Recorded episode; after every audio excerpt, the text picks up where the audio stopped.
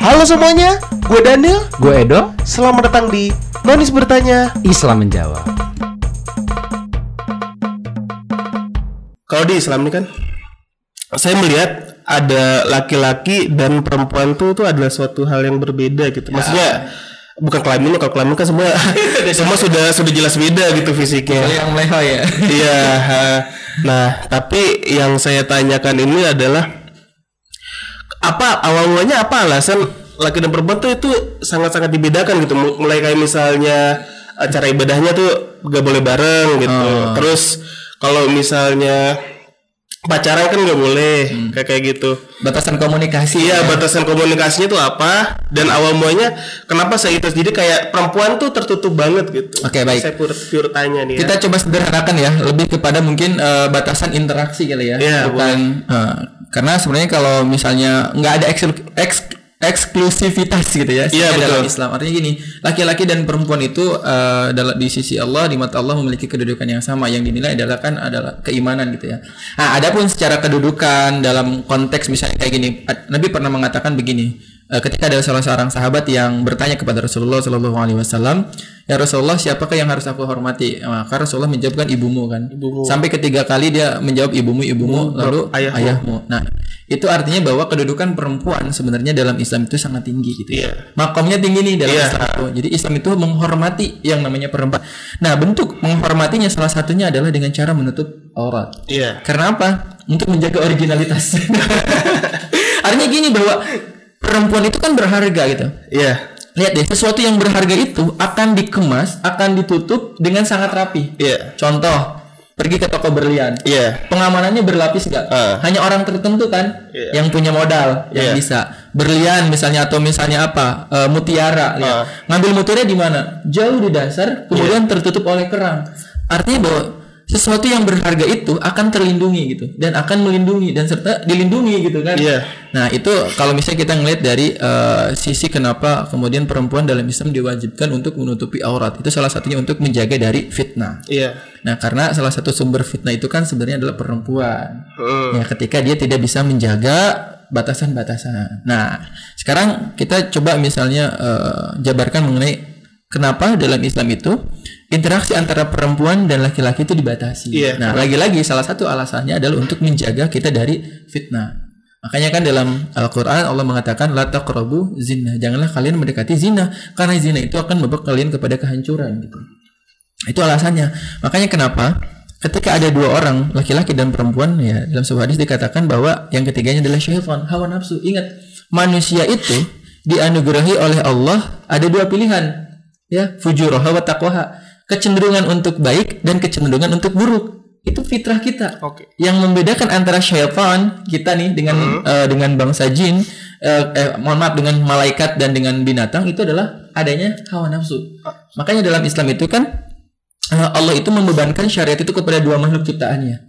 Wa jinna wal insa illa liya'budun. Jadi yang diberikan eh, perintah untuk beramal soleh itu ada dua makhluk yaitu jin dan manusia. Nah, salah satu keistimewaannya adalah kenapa mereka itu diberikan yang namanya pilihan. Malaikat itu nggak bisa memilih, hanya taat bisanya. Nah, kata Allah ya malaikat eh, catat ini ya tak. Tapi kalau manusia itu itu diberikan pilihan. Nah, ada dalam diri manusia itu yang namanya hawa nafsu yang kalau misalnya nggak diredam nggak diarahkan, ini hawa nafsu kecenderungannya kepada keburukan. Nah, sedangkan fitrah juga kita tuh menyukai yang namanya lawan jenis. Nah, akhirnya dalam Islam ada batasan-batasan. Baik interaksi itu ada batasannya. Nah, tujuannya agar menjaga Iya. menjaga kita dari fitnah, terjebak kepada kemaksiatan, terjebak kepada perzinahan. Nah, itulah salah satu uh, di antara alasan kenapa uh, Islam melarang keras ya. Melarang keras uh, kita untuk tidak berpacaran terutama ya Iya. karena itu adalah pintu masuknya perzinahan. Ya mungkin memang nggak semua pacaran itu jadi zina, tapi itu menjadi pintu masuk orang Iya. berzina. Jalan pembuka ya. Nah, jadi lebih untuk menjaga sebenarnya menjaga laki-laki, menjaga perempuan eh, agar terhindar dari pada kemaksiatan. Dan memang laki-laki yang baik ya dia akan menghormati dan meninggikan perempuan yang dicintai dengan cara apa? Yang menjauhi dia gitu kan? Hmm. Meng- menghargainya itu dengan cara ya tidak menyentuh dia dengan sesuatu yang salah gitu. Menyentuh dia dengan sesuatu yang salah itu Ya maksudnya itu berma- atau ngajakin pacaran gitu kan. Itu kan mengajak kepada keburukan ya. Iya. Tapi seorang yang baik itu kan justru mengharapkan eh, misalnya seseorang yang dicintainya juga baik gitu. Iya. Oh, kalau misalnya di sana tuh ada nggak sih apa kalau misalnya interaksi cowok dan wanita misalnya ada pada-depan ngomong gitu harus berapa meter soalnya saya disebut pernah Sebenarnya enggak juga gitu. Jadi gini, dalam konteks hari ini memang kita tidak bisa lepas dari yang namanya interaksi dengan lawan jenis Iya, gitu betul. ya. Nah, yang nggak boleh itu adalah ketika interaksi itu mendatangkan hawa nafsu. Kecenderungan untuk eh, mohon maaf gitu kan ada syahwatnya Oh, iya. gitu. Ah, ah, ah. Nah, itu yang nggak boleh gitu. Ya, kan kalau misalnya dipukul rata nggak boleh ya. Antum sama dosen gimana? Iya, iya, so- soalnya saya sama sempat- Indomaret iya. gimana? Iya, soalnya saya sempat sempat punya pikiran atau pertanyaan gitu. Karena kalau enggak. misalnya ini cowok sama cewek dipisah kan kita kerja bareng, kuliah kan bareng enggak, gitu. jadi Itu gimana? ada hal-hal yang memang tidak bisa kita batasi dalam konteks tertentu, tapi dalam konteks eh, lebih khususnya itu sebenarnya batasan di sini adalah lebih kepada mungkin ya kalau hari ini gitu ya, Allah alam tapi ya.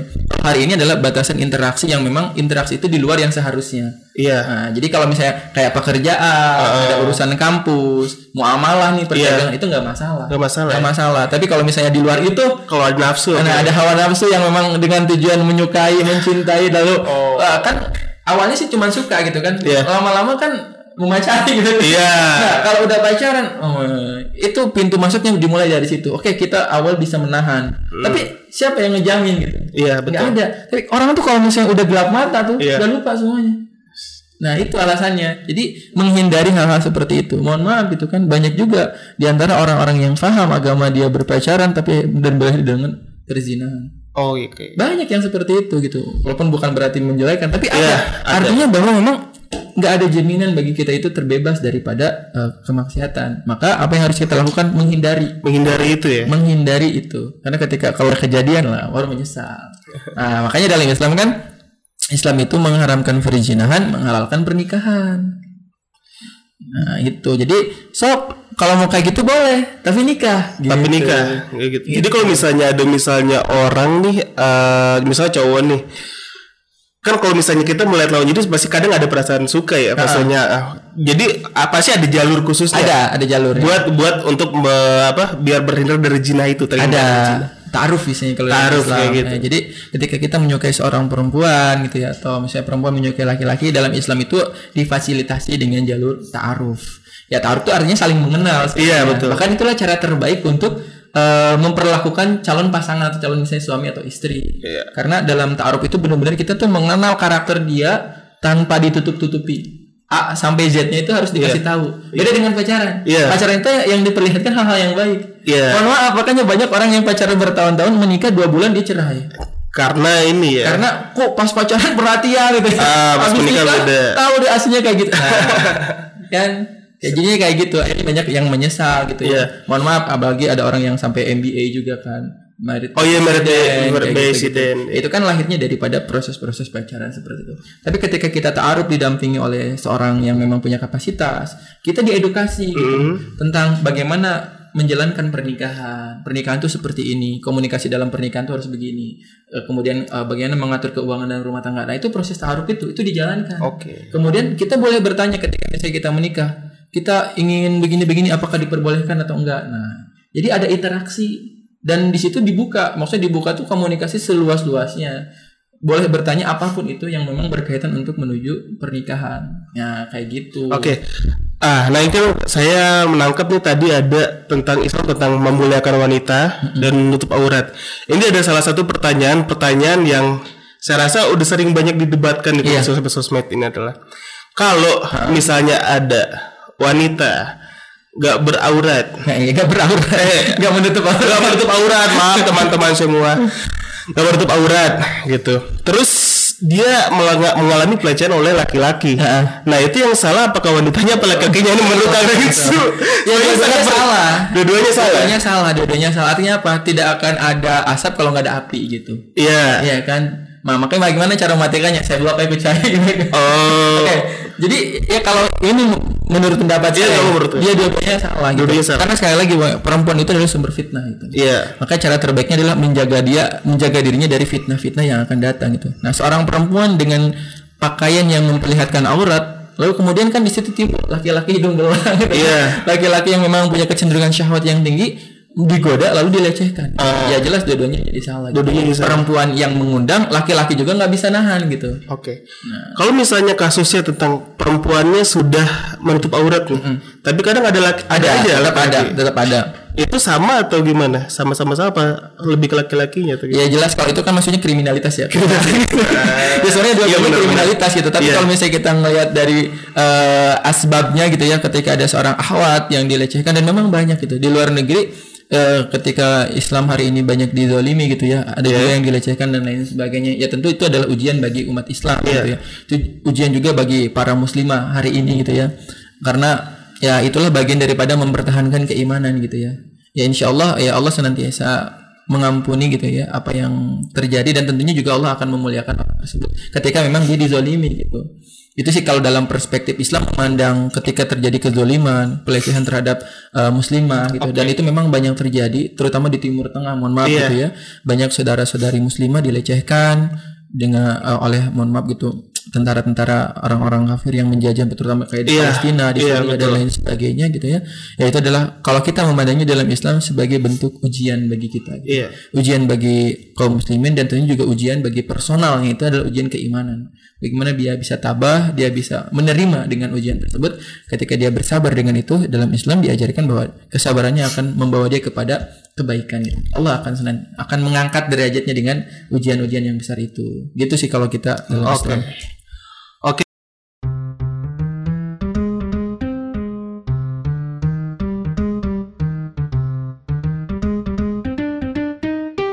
Amoral Podcast.